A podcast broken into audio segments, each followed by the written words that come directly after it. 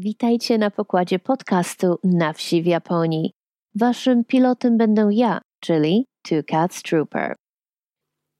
Dziś odwiedzimy miejsca w Japonii, których nie warto odwiedzić i sprawdzimy, jak jest naprawdę. Gotowi? No to lecimy.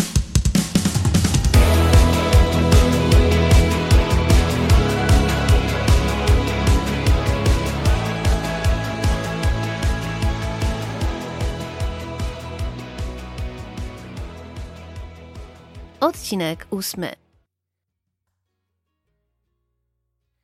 O miejscach w Japonii, które koniecznie trzeba odwiedzić, istnieją już całe strony internetowe.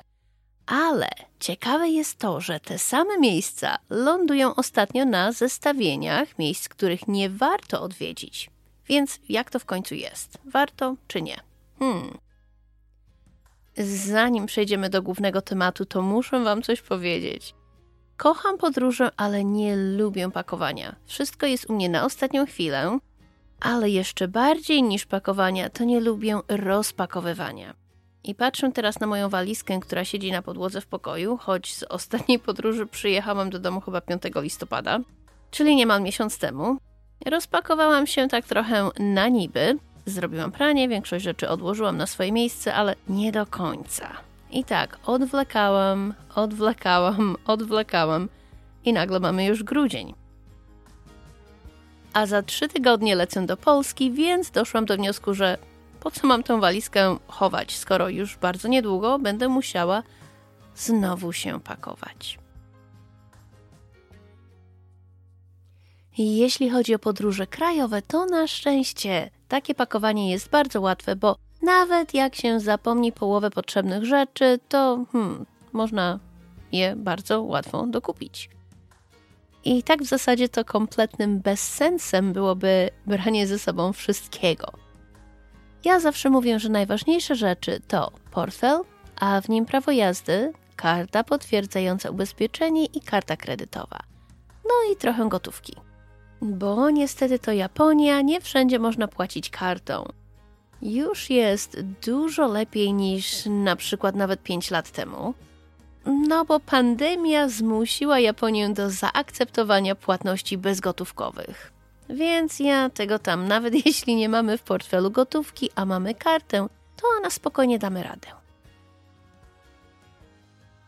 Z drugiej strony, jeśli mam się pakować na podróż zagraniczną, a szczególnie na podróż do miejsca, którego nie znam, włącza mi się ten instynktowny pęd na pakowanie wszystkiego pod słońcem, dosłownie wszystkiego. I nie jest to łatwe zadanie, jeśli jesteście mną i podróżujecie wszędzie z hełmem gwiezdnowojennego szturmowca w bagażu. Oczywiście, obowiązkowo. Przecież garnek musi być. Ale dzisiaj będzie o krajowych podróżach, bo do tego odcinka zainspirowały mnie konta na Instagramie, gdzie ludzie pokazują swoje podróże do Japonii i po Japonii. I naprawdę świetnie ogląda się Japonię oczami turysty z Polski, choć nie tylko. I równie świetnie ogląda się Japonię oczami tubylczego cudzoziemca, ja, że tak powiem. Tubylczy cudzoziemiec? Mm. Ja nie dyskryminuję. Ja Japonię naprawdę lubię i z każdej rolki, każdego filmiku, z każdego bloga zawsze mogą się dowiedzieć czegoś nowego. Bo tak na dobrą sprawę to znam dobrze tylko moją własną prefekturę i prefekturę obok. I kilka wysp na Okinawie. I do tego odcinka zainspirował mnie również filmik Gabriela Hyodo o przereklamowanej Japonii. Clickbaitowy tytuł, gdzie w filmiku wymienia on miejsca w Japonii, których według niego nie warto odwiedzić. I najpierw sobie pomyślałam, że koniec świata jest już blisko, bo prawie w 100% się z panem Hyodo zgadzałam, co nie zdarza się zbyt często. A chwilę potem zaraz druga myśl przyszła do głowy, że hej, to przecież nie do końca prawda. Bo i on, i ja patrzymy na Japonię oczami osób, które są z tym krajem zaznajomione. A ludzie, którzy nigdy tu nie byli, mają zupełnie inne spojrzenie. No dobrze, ale zanim polecimy dalej, to wiecie, już jest to nasz ósmy odcinek. Jesteśmy razem już dwa miesiące. Niesamowite. I naprawdę bardzo dziękuję Wam wszystkim za to, że jesteście tu ze mną. Ten podcast nadal dopiero raczkuje, więc wiele nadal przed nami.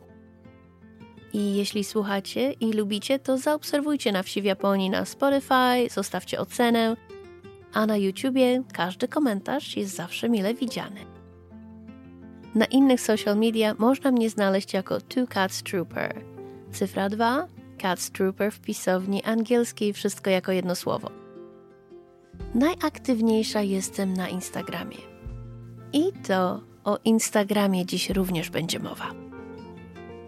Powiecie, przeglądając Instagram i YouTube po tym, jak Japonia otworzyła się na turystów po pandemii, to naszła mnie taka refleksja. Jak bardzo różnią się nasze sposoby podróżowania po Japonii. Jak bardzo inaczej robią to ludzie, którzy tu mieszkają, i ludzie, którzy są tu na wakacjach, i ludzie, dla których Japonia to podróż życia. I jest to o tyle ciekawe, przynajmniej dla mnie, bo mamy zupełnie inne oczekiwania od miejsc, które odwiedzamy, od ludzi, których spotykamy na naszej drodze i od siebie wzajemnie. Bo tak, czasem nasze szlaki w podróży, ale najczęściej jeszcze przed podróżą w internecie się krzyżują i od czasu do czasu dochodzi do dziwnych sytuacji. Bo fakt, że mieszkamy w Japonii, nie znaczy automatycznie, że jesteśmy ekspertami o całym kraju i że będziemy w stanie polecać atrakcje w różnych częściach Japonii. To tak, jakby zapytać mieszkańca Gdańska o atrakcje w Krakowie. No każdy przecież wie o Wawelu i Wieliczce, więc tyle może gdańszczanin ci podpowie. Ale naprawdę wątpię, czy będzie w stanie polecić ci jakiś poszczególny hotel czy restaurację. Mhm. I to działa w obie strony. Polacy pytają się o atrakcje w Japonii, a Japończycy myślą, że jako Polka znam całą Polskę i będę w stanie ułożyć im plan podróży. A tymczasem ja nie mieszkam w Polsce od bardzo wielu lat i kiedy lecę z wizytą, to sama jestem jak turystka. No a teraz do rzeczy. Zamiast miejsc do polecenia, porozmawiajmy o miejscach, które według Gabriela Hiodo nie warto odwiedzić. I dorzucę do tej listy kilka własnych pozycji. No to lecimy. Na pierwszy ogień w filmiku pana Hyodo poszła Akihabara. I tutaj mój komentarz. Amen, brother. Och, zgadzam się w stu procentach. Tyle można się ochów i achów nasłuchać na temat Akihabary na blogach i vlogach podróżniczych i sama nie wiem dlaczego. Jeśli interesuje Was manga i anime i zbieracie figurki i inne z tym związane rzeczy, to jak najbardziej. Akihabara nadal jest warta odwiedzenia. Osobiście nie jest to moje hobby, ale znajomi nadal twierdzą, że najlepiej kupować anime goods właśnie tam. Choć również twierdzą, że Nakano Broadway i Ikebukuro są równie dobre. Jeśli zaś chodzi o elektronikę i sprzęt, to Akiba swoje lata świetności ma już za sobą. I to widać. Sklepy są małe, zapyziałe i pomimo tego, że sprzedają nowy towar, to wyglądają jak second handy. Obsługa jest w dużej mierze chińska w tych sklepach i specjalizuje się też w takiej klienteli. Krążą też pogłoski na temat pochodzenia sprzętu w tych mniejszych, niezależnych sklepach. Bo niestety problem z podróbkami istnieje również i w Japonii, choć w dużej mierze głównie online. A neony i widoki, ten vibe, tak jak złowcy androidów? Hmm, w tej chwili po taką atmosferę to musicie lecieć do Hongkongu. No niestety, jak już wspominałam, Akihabara swoje lata świetności miała dawno temu. Niektórzy mówią, że 20 lat temu. Hmm. No przyznam się teraz, byłam tam 20 lat temu i już wtedy kurz się osadzał w pewnych miejscach. Ale nadal było interesująco. I to właśnie w Akibie grasowały wtedy ekipy filmowe szukające cudzoziemców do wywiadów. Teraz biegają po lotniskach, wtedy po Akihabarze. I sama miałam przyjemność być zatrzymana dwa razy przez taką ekipę. Za pierwszym razem pokazano mi zdjęcia Watanabe Kena i zapytano się, czy wiem, kto to jest. Było to zanim jeszcze ostatni samuraj ukazał się w kinach. Oczywiście wiedziałam, kim on był, ale z przekory odpowiedziałam, że to Andy Lau, czyli wielka gwiazda z Hongkongu. Chłoptasie z kamerami trochę to tak e, zdziwiło, zbiło ich to z tropu, bo po prostu nie wiedzieli, kim był Andy Lau. A w gąszczu sklepików można było znaleźć wtedy jeszcze prawdziwe perełki. W jednym z nich, pomiędzy antycznymi głośnikami i pudłami z kablami, siedziała sobie cała sterta sprzętu. W tym między innymi autentyczny sprzęt marki Mark Levinson który wyszedł z produkcji w latach 80. Wszystko było w oryginalnych opakowaniach i o cenach takich, że no dosłownie oczy bolały. Ja akurat wychowana byłam w takich klimatach i pan w sklepie miał frajdę, że taka niepozorna cudzoziemka znała się na rzeczy. Nawet herbaty nam nalał i z dumą pokazywał coraz to inne, bardziej egzotyczne osprzętowanie studyjne. I taki klimat Akihabary najbardziej utkwił mi w pamięci. Nie ten mangowy, nie ten z dziewczynami w strojach pokojówek rozdających ulotki do Maid Cafe i z całą masą śliniących się otaku, którzy próbują robić im zdjęcia pod krótkimi spódniczkami. Mm -mm. No a czy w obecnej chwili w ogóle warto się do Akiby fatygować? Odpowiedź. To zależy. Jeśli to twój pierwszy raz w Japonii, to oczywiście jak najbardziej. Choćby tylko po to, żeby zobaczyć, że Japonia już nie żyje w przyszłości, ale raczej utknęła w przeszłości. Jeśli interesuje Cię manga i anime, to również tak, oczywiście. Jeśli chcesz kupować elektronikę, to szokująco być może również tak, ale niekoniecznie. Tak, wiem, wiem, wiem. Pan Hyoda mówił, że wszystko teraz można kupić online. Fakt, można. Ale jeśli kogoś interesuje tax free, to warto wejść do największego sklepu Yodobashi Camera w całej Japonii, zaraz przy stacji w Akihabarze. Sama tam bywam nawet od czasu do czasu. A dlaczego, skoro wszystko przecież mogę kupić online?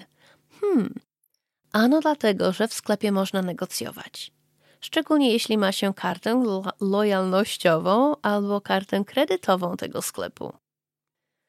Obsługa w Yodobashi Camera w Akibie mówi po angielsku i jest bardziej, jakby to powiedzieć, elastyczna w myśleniu niż przeciętny japoński pracownik w przeciętnym japońskim sklepie. Zawsze udało mi się tam ugadać świetne okazje przy większych zakupach a końcowe ceny były niższe niż w internetowych dyskontach. A w sklepie z gwarancją i ze świadomością, że w razie problemów będzie gdzie składać reklamacje.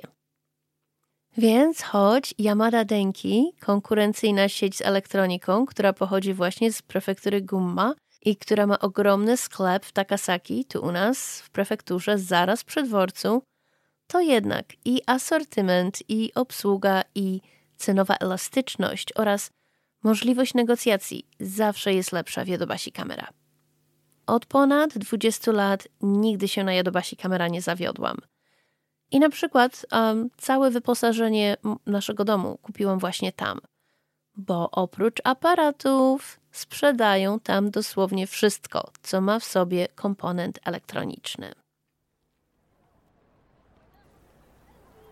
Na drugi i trzeci ogień w filmiku pana Hyodo o przereklamowanej Japonii poszło Shibuya Crossing i Hachiko. I tu zgadzam się całkowicie. Specjalnie, żeby zobaczyć przejście przez ulicę, nie jechałabym do Shibui.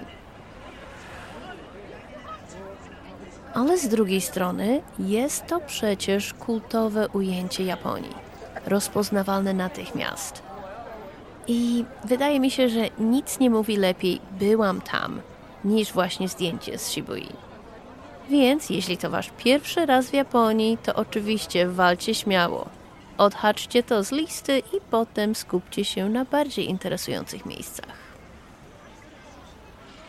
A pomnik pieska Hachiko? Hmm. Historię wiernego psa, który czekał na swojego pana nawet po jego śmierci, znają chyba niemal wszyscy. Hmm. I tak samo jak z Shibuya Scramble. Jeśli będziecie w okolicy, to nic nie stoi na przeszkodzie, bo można tam podejść i fotkę zrobić. A w okolicy będziecie na pewno, bo na bank przyjdzie czas, kiedy podczas pobytu w Tokio będziecie przesiadać się z czegoś na coś w Shibui. I o ile na stacji w Shibui bardzo łatwo jest pomylić wyjścia, to akurat do Hachiko łatwo trafić, bo Hachiko ma nawet swój własny exit, swoje własne wyjście. Miejsce to jest bardzo popularne, zawsze jest pełne tłumów ludzi. I tu tak przy okazji. Shibuya i okolice Hachiko szczególnie słyną z dziewczyn mówiących znośną angielszczyzną, które zagadują do białych gajdzinów. Głównie do mężczyzn, ale im nie zdarzyło się to parę razy. Dziewczyny są miłe i przyjemne, zazwyczaj bardzo ładne. I przeciętny cudzoziemiec, szczególnie ten prosto z lotniska, jest bardzo mile połechtany, że takie dziewczęta właśnie do niego zagadały. Dziewczyny zachęcają do poznania ich przyjaciół i wspólnego spędzenia czasu. I niestety nie jeden naiwniak dał się na to nabrać bo kiedy on już sobie wyobrażał, jak mile spędzi nadchodzący wieczór w towarzystwie uroczych Japonek, to dziewczyny po prostu przeprowadzały rekrutację do kultu, do którego same należały. Tak, do kultu. Kultów jest tu w Japonii cała masa. Niektóre mają podłoże buddyjskie, inne są przedziwnymi hybrydami buddyjsko-chrześcijańsko, czymś tam jeszcze innym – i jeśli padnie się ofiarą takiej rekrutacji, to sytuacja może być dosyć nieprzyjemna. Są całe historie naiwnych cudzoziemców, którzy dali się złapać uroczym Japonkom i o późniejszych konsekwencjach. Na przykład ucieczki nocą z miejsc, gdzie zostali wywiezieni, weekendowe pranie mózgu i inne tego typu atrakcje. Oczywiście doda to emocji i dreszczyku do zwykłej wycieczki po Japonii ale ja wolałabym nie marnować ani jednego dnia zwiedzania, szczególnie jeśli mój czas w Japonii jest już z góry ograniczony. Kulty rekrutują tam, gdzie są tłumy, bo to gra liczbowa. Im więcej osób się zagada, tym większe szanse, że ktoś się skusi. A najczęściej skusi się cudzoziemiec, bo po prostu nie wie. Więc jeśli będziecie w okolicach Hachiko, lub każdym innym zatłoczonym miejscu w Japonii i ktoś z nienacka do Was zagada przyjemną angielszczyzną, to zalecałabym ostrożność. Kolejny punkt przereklamowanej Japonii według pana Hyodo to Tokyo Sky Tree. I znowu, zgadzam się, ale nie do końca, bo zależy na czym Wam zależy. Ja wybrałam się do Tokyo Skytree tylko dlatego, bo wiedziałam, że w sklepie na szczycie sprzedawane były specjalne kolaboracje Tokyo Skytree i Gwiezdnych Wojen. Tylko i wyłącznie tam. Więc pojechałam, zapłaciłam, swoje w kolejce odstałam, do windy wsiadłam, no i kupiłam to, co chciałam. A przy okazji pooglądałam sobie widoki ale ogólnie Tokyo Skytree najlepiej podziwiać jednak z zewnątrz. A jeśli chcemy piękne widoki, to miejsc widokowych jest w Tokio mnóstwo. Kolejne miejsce na liście przereklamowanej Japonii, której nie warto odwiedzić, to Osaka. No, kontrowersyjnie, nie powiem. Znowu ta sama sytuacja co zawsze – na pierwszy raz w Japonii Osaka jest jak najbardziej w porządku, ale to po prostu duże miasto. I osobiście nie przepadam za jego atmosferą. Moja przygoda z Japonią zaczęła się właśnie w Osace. Spędziłam tam niemal rok i choć minęło już od tego czasu ćwierć wieku, to do dziś mam traumę. Dla mnie Osaka w tej chwili to głównie punkt przesiadkowy, na przykład jadąc na wybrzeże prefektury Wakayama. Do Osaki łatwo i tanio można dolecieć i nawet wliczając autobus do miejscowości Shirahama, to nadal koszt podróży będzie niższy niż bezpośredni lot na lotnisko Nanki-Shirahama. A powód tego jest taki, że na lotnisko Nanki-Shirahama lata tylko i wyłącznie JAL, Japan Airlines i ceny niestety to odzwierciedlają. No i oprócz tego, dla osób, e, które mają JR Pass, Osaka może być fajną bazą wypadową do Kyoto albo innych miejsc w okolicy, bo wydaje mi się, że sytuacja hotelowa może wyjść korzystniej w Osace niż w innych miastach w okolicy. No i jeszcze dodam, że Osaka to takie dosyć specyficzne miasto. Albo się je kocha, albo nienawidzi. Ja niestety jestem w tej drugiej grupie. I nie zapowiada się, abym w najbliższej przyszłości zmieniła zdanie. No i skoro już wspominaliśmy o kultach, to Osaka to również epicentrum działalności kultowej. Więc jak wyżej, zawsze lepiej podchodzić ostrożnie do zagadujących nas nieznajomych. A tak przy okazji, to fakt, Osaka ma świetne jedzenie, ale 99% tego jedzenia można znaleźć w całej Japonii. Więc fatygowanie się specjalnie na takoyaki do Osaki to trochę strata czasu. Kolejne na liście miejsc, których nie warto odwiedzać, były Ginkakuji i Kinkakuji w Kyoto, czyli srebrny i złoty pawilon. I znowu tak samo jak poprzednio – Pierwszy raz w Japonii? Obowiązkowo jedź tam. Pchaj się w tłum innych, żeby pstryknąć zdjęcie i ruszaj dalej w drogę.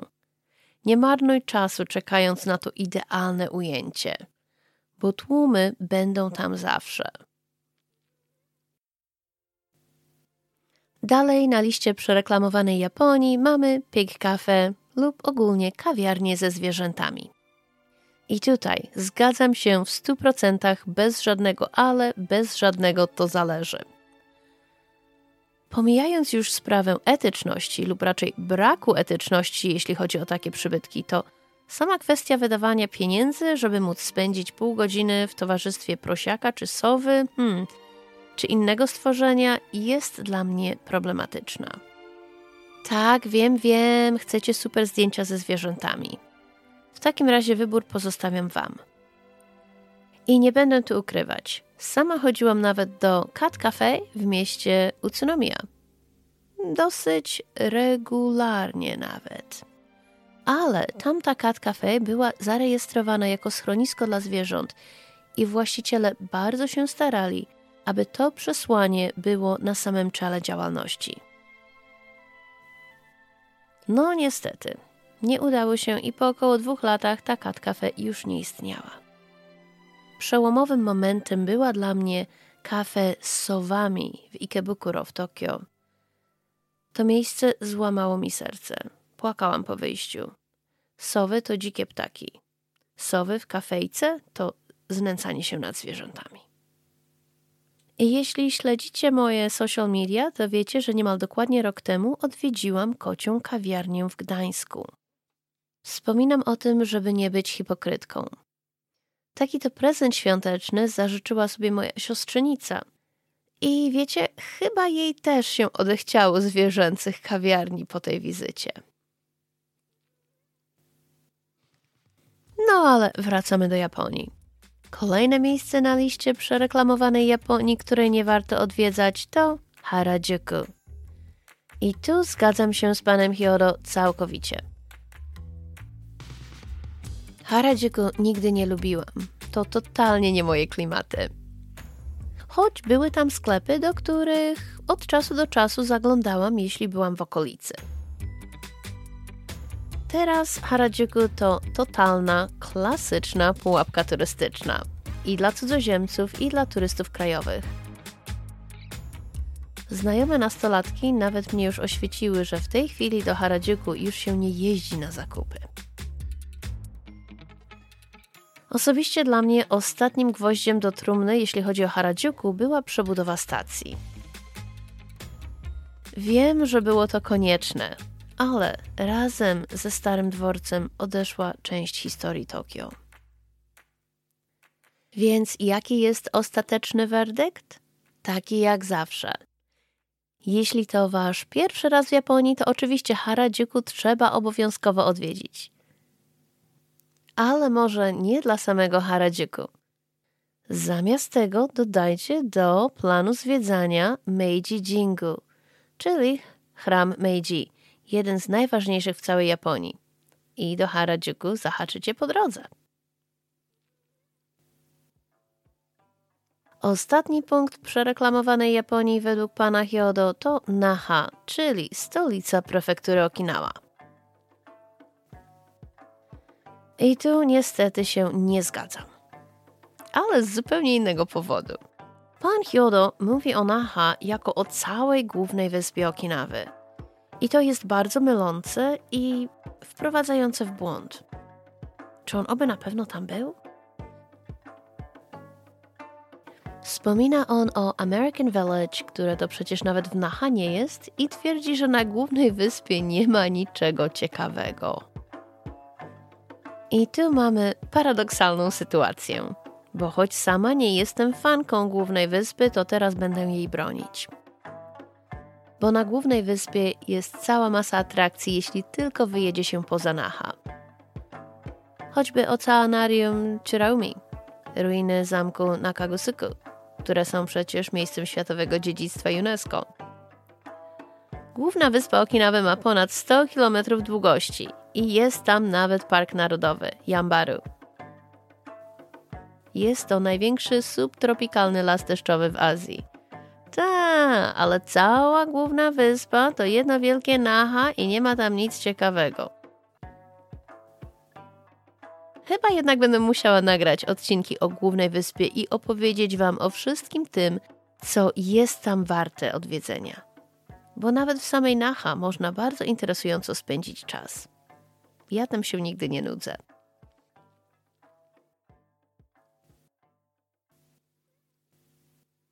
No a teraz czas dodać moje własne punkty przereklamowanej Japonii, której nie warto odwiedzić. Będą w przypadkowej kolejności. Team Lab Planets. Ok, nie rozumiem fenomenonu tego miejsca. Ja mam awersję do chodzenia na bosaka w syfiastej wodzie i po syfiastych podłogach. Atrakcje świetlne w Team Lab Planets są, szczerze mówiąc, średnie. I to, co widzieliście na Instagramie, to najlepsze ujęcia. Według mnie nie warto. Mhm. Następne na liście jest Nagoya. To jest po prostu duże miasto. Zamek w Nagoi to betonowa rekonstrukcja. Oprócz chramu Atsuta Jingu nie ma tam niczego ciekawego, według mnie. Dla mnie Nagoya to tylko punkt wypadkowy do wycieczki do Ise Jingu, czyli chramu Ise w prefekturze Mie, albo do zamku Inuyama w prefekturze Aichi. Następne na liście. Karuizawa w prefekturze Nagano. Nie rozumiem tego miejsca. Mieszkam niedaleko, więc mogę sobie pozwolić na częste odwiedziny, bo jeździmy tam do piekarni po chleb. Ale tłumy turystów na głównym deptaku zawsze mnie zaskakują. I tak wiem, jest tam też outlet mall i sama tam bywam przy okazji wyprawy po chleb ale żeby jechać specjalnie do Karuizały po widoki czy spacery, eh, totalna strata czasu. No ciekawa jestem, jakie macie opinie o tych wszystkich miejscach i czy naprawdę są przereklamowane i nie warte odwiedzin. A może są też inne miejsca, które sami dodalibyście do listy. Hmm. Ostatnio na Instagramie wpadłam na profil pani Marty Śliwickiej, akurat przed jej podróżą do Japonii. I teraz śledzę Japonię jej oczami i przyznam się, że hmm, miejscami jestem zaskoczona.